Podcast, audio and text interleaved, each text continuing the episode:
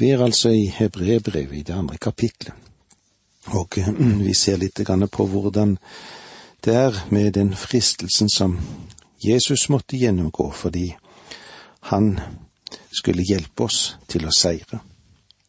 Fordi han selv led og ble fristet, kan han hjelpe dem som fristes, står det i vers 18 i det andre kapittelet i Hebreerbrevet. Fordi han selv led og ble fristet, kan han hjelpe dem som fristes. Han er i stand til å hjelpe andre fordi han kjenner til hvordan det er å bli prøvet. Vi har mye å ta til oss av det Jesus sa da han var her på jord, men enda større er det for oss å vite at Jesus kjenner så godt til oss slik vi har det i dag. Det Gud vil lære oss når vi går igjennom fristelse, er at eh, det er hjelp å få. Jesus har vært igjennom en slik strid. Jesus har vært prøvet.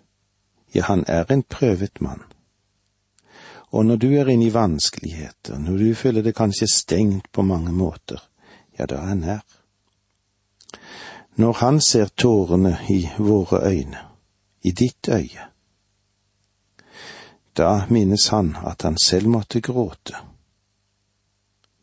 Når Satan frister oss, ja, så har han et hjerte som er fylt av medfølelse. Jesus sier, Jeg forstår deg, kjempende bror og søster. Jeg har vært i samme situasjon som deg. Jeg kjenner striden som du er oppe i akkurat nå. Og eh, når eh, vårt indre liv skjelver mot en stengt himmeldør, og når vi føler at en far og frelser har skjult seg, og vi frykter kanskje for at vi kan ikke vinne frem. Og det svarer som et ekko fra fjell, fra ham mot oss. Også for meg var himmelen stengt, sa Jesus, da jeg var bedrøvet til døden og svetten rant som blodstråpe ned på jorden. Og da korset sto hyllet i mørket. Har du opplevd Jesus slik? ser du at Jesus står ved siden av deg når alt mer ligner, ja, skal vi bruke et så sterkt uttrykk som helvete, en himmel.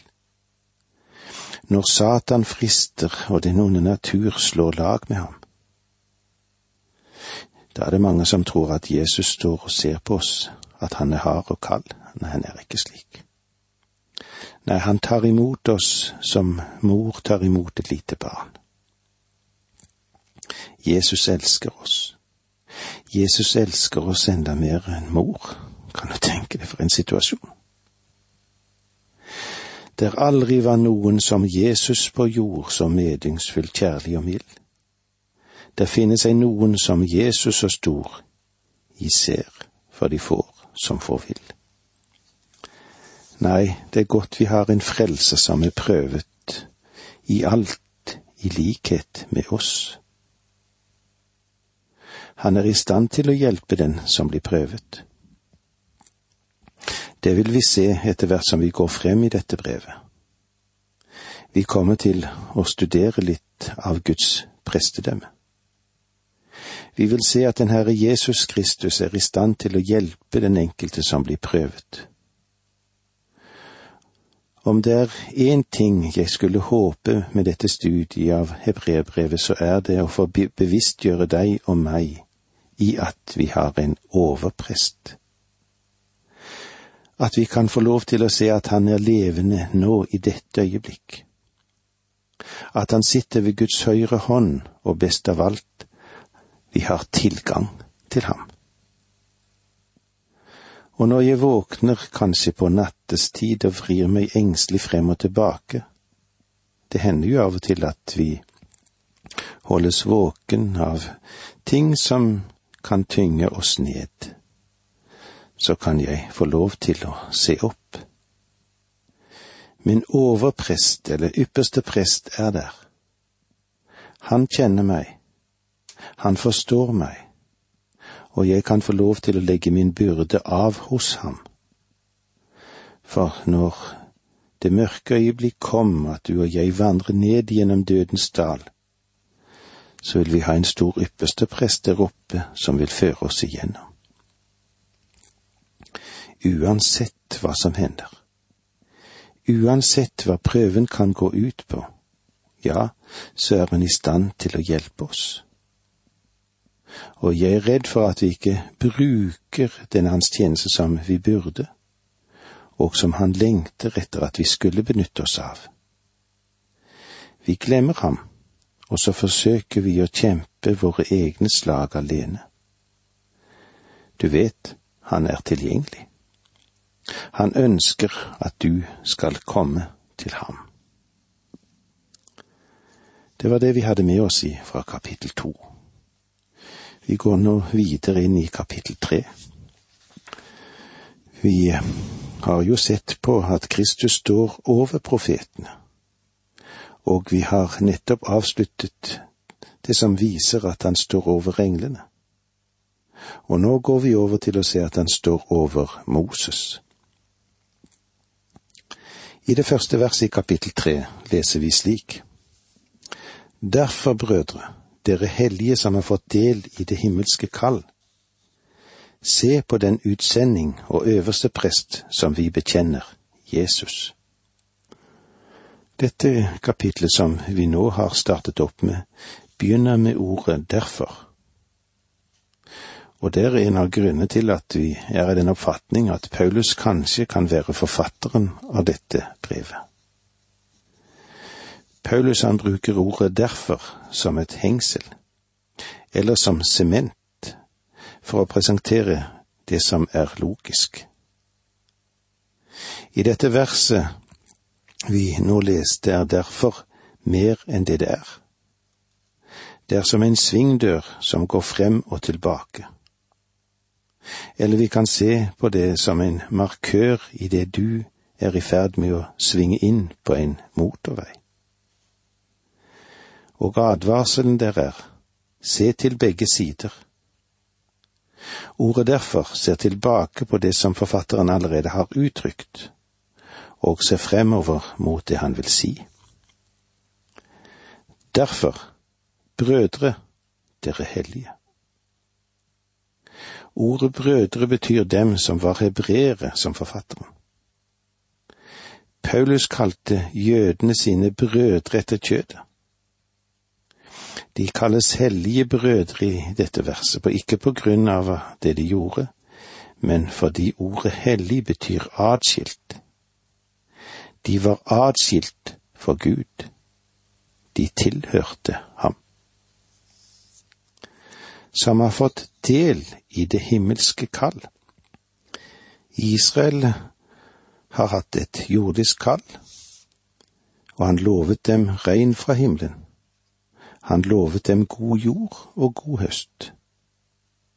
Dette er fysiske velsignelser selv om han også hadde lovet dem åndelige velsignelser. I dag er det mange som har den forunderlige ideen at det som har med det fysiske og materielle å gjøre, ikke kan brukes i åndelig sammenheng, men det er feil. Det er en av grunnene til at folk ikke vil at en skal nevne særlig noe om penger i kirken. Hva er det som er så galt med penger? De kan jo brukes på en åndelig måte, de. Det er sannelig ikke noe særlig imponerende å høre noen be om noe, så er de ikke villig til selv å åpne opp lommeboken for å være en del av det svaret på bønnen. For eksempel, skal du be for misjon, så foreslår jeg at du gir til misjon om du ønsker å gjøre din bønn effektiv. Ellers vil din bønn være som en sky uten regn. Og det er alt. Det er åndelig å gi. Det er en av de tjenestene en prest har. Han gir åndelige gaver. Givertjenesten er en av dem, og lovprisningen fra våre lepper er en annen. De brødrene som har del i det himmelske kall, hadde tidligere et jordisk kall. men nå er de ført frem til å tilhøre nået, nå-generasjon, av dem fra Israels folk som har vendt seg til Kristus. Hebrebrevets forfatter vil gjøre det helt klart at de er kommet inn i en ny tidsalder. I fortiden ofret de dyreoffer. Det var etter det mosaiske system, og det var rett å gjøre det slik. Men nå er det galt fordi disse ofringene er fullbyrdet i Kristus, og de har nå fått et himmelsk kall. Det jordiske kall er ikke blitt borte, men det er blitt forvandlet til et og har eh, skiftet karakter med det himmelske kallet. Så de har fått del i det himmelske kallet. Det var så langt vi kom i dag. Takk for nå, må Gud være med deg. Dette undervisningsprogrammet består av to deler. Åge Nevland fortsetter nå med andre del av dagens undervisning.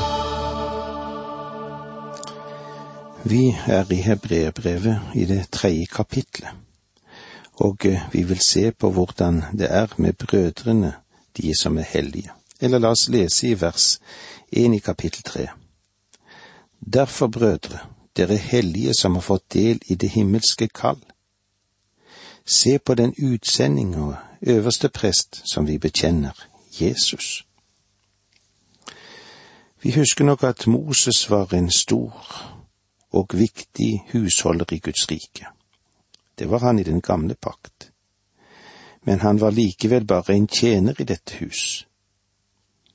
Kristus, han som er sønnen i huset. Det er han som er viktig å se på. Det er eh, veldige ting som vi får ta med oss i hebreerbrevet. Gud, han ønsker at vi skal leve nær til Jesus Kristus. Det vi har for oss her, er noe usigelig stort både for tanke, tro og liv, det som finnes i den treenige Gud. Fader, Sønn og Ånd bor i oss og hos oss. Det skulle være trygt og godt for oss å gå gjennom en utrygg verden med så godt selskap, med Faderen, Sønnen og Ånden.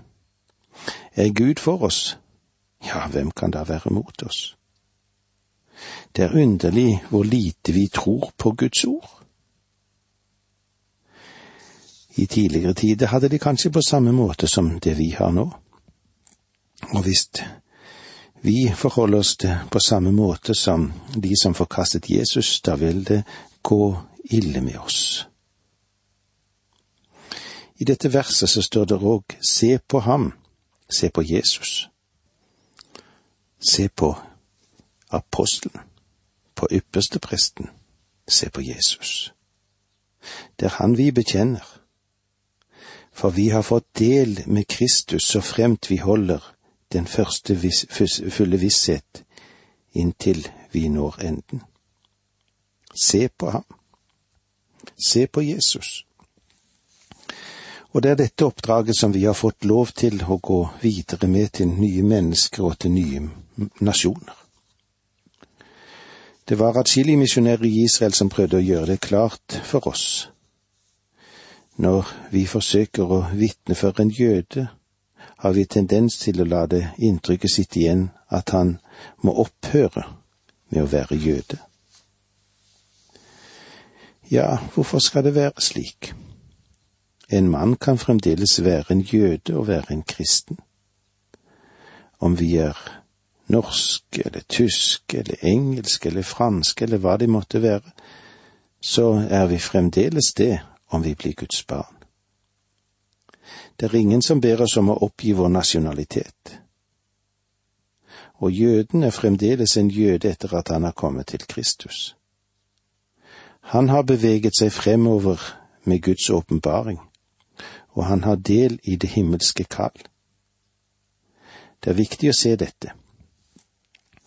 Brevet til hebreerne, det blir nesten meningsløs hvis du ikke fastholder hvem det er skrevet til, og også når det ble skrevet.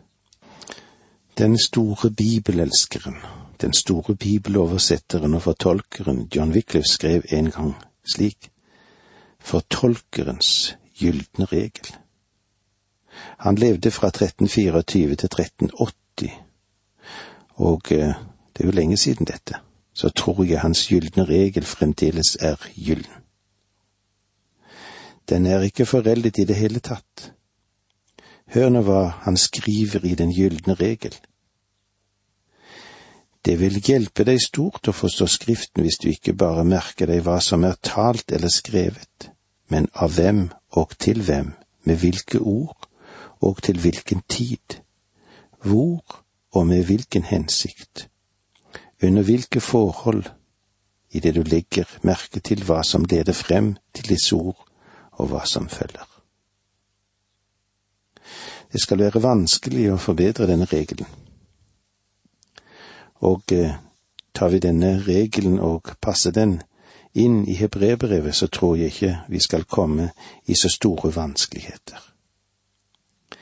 Uttrykket del i det himmelske kall vil være helt meningsløs om vi løsriver det fra disse hebraiske kristne. Skal vi ta for oss den gylne regel en gang til?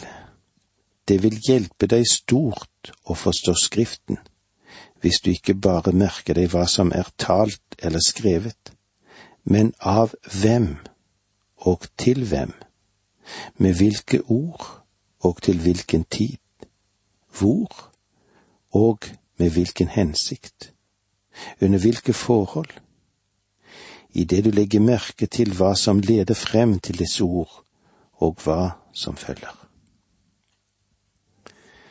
Se på den utsending og øverste prest som vi bekjenner, Jesus.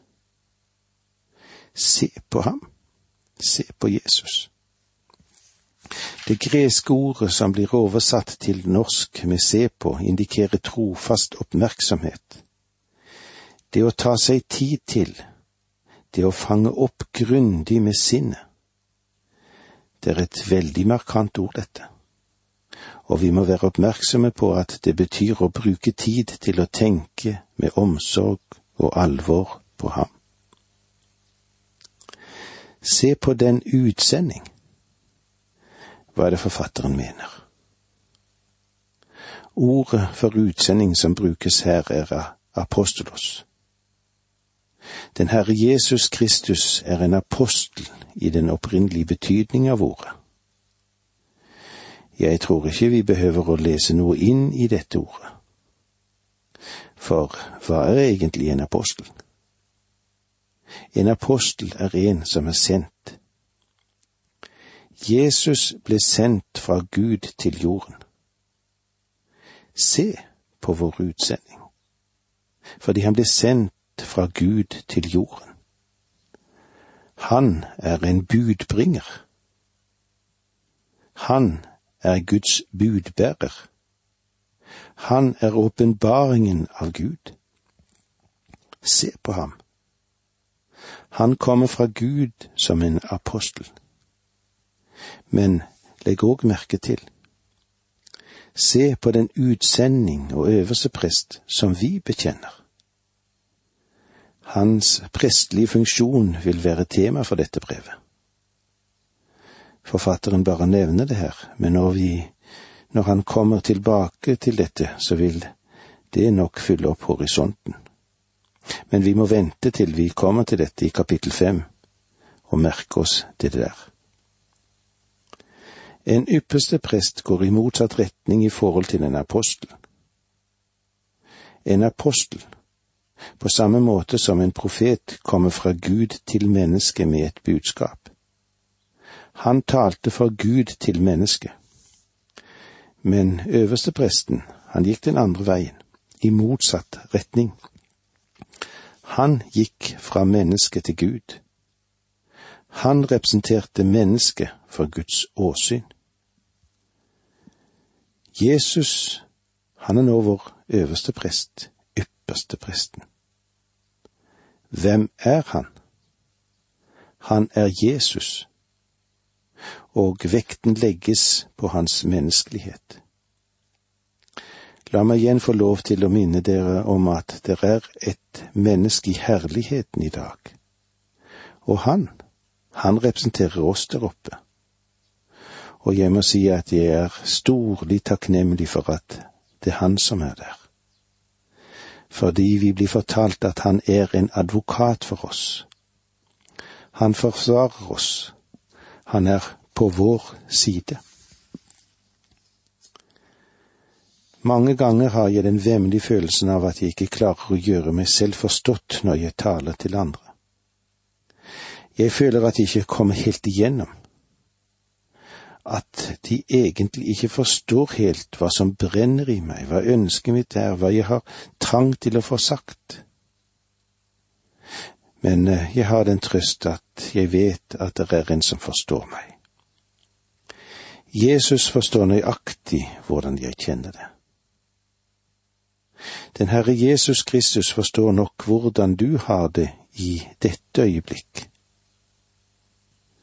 Det må vi dvele ved et lite øyeblikk. Tenk seriøst på dette, og fang dette inn i hele din oppmerksomhet.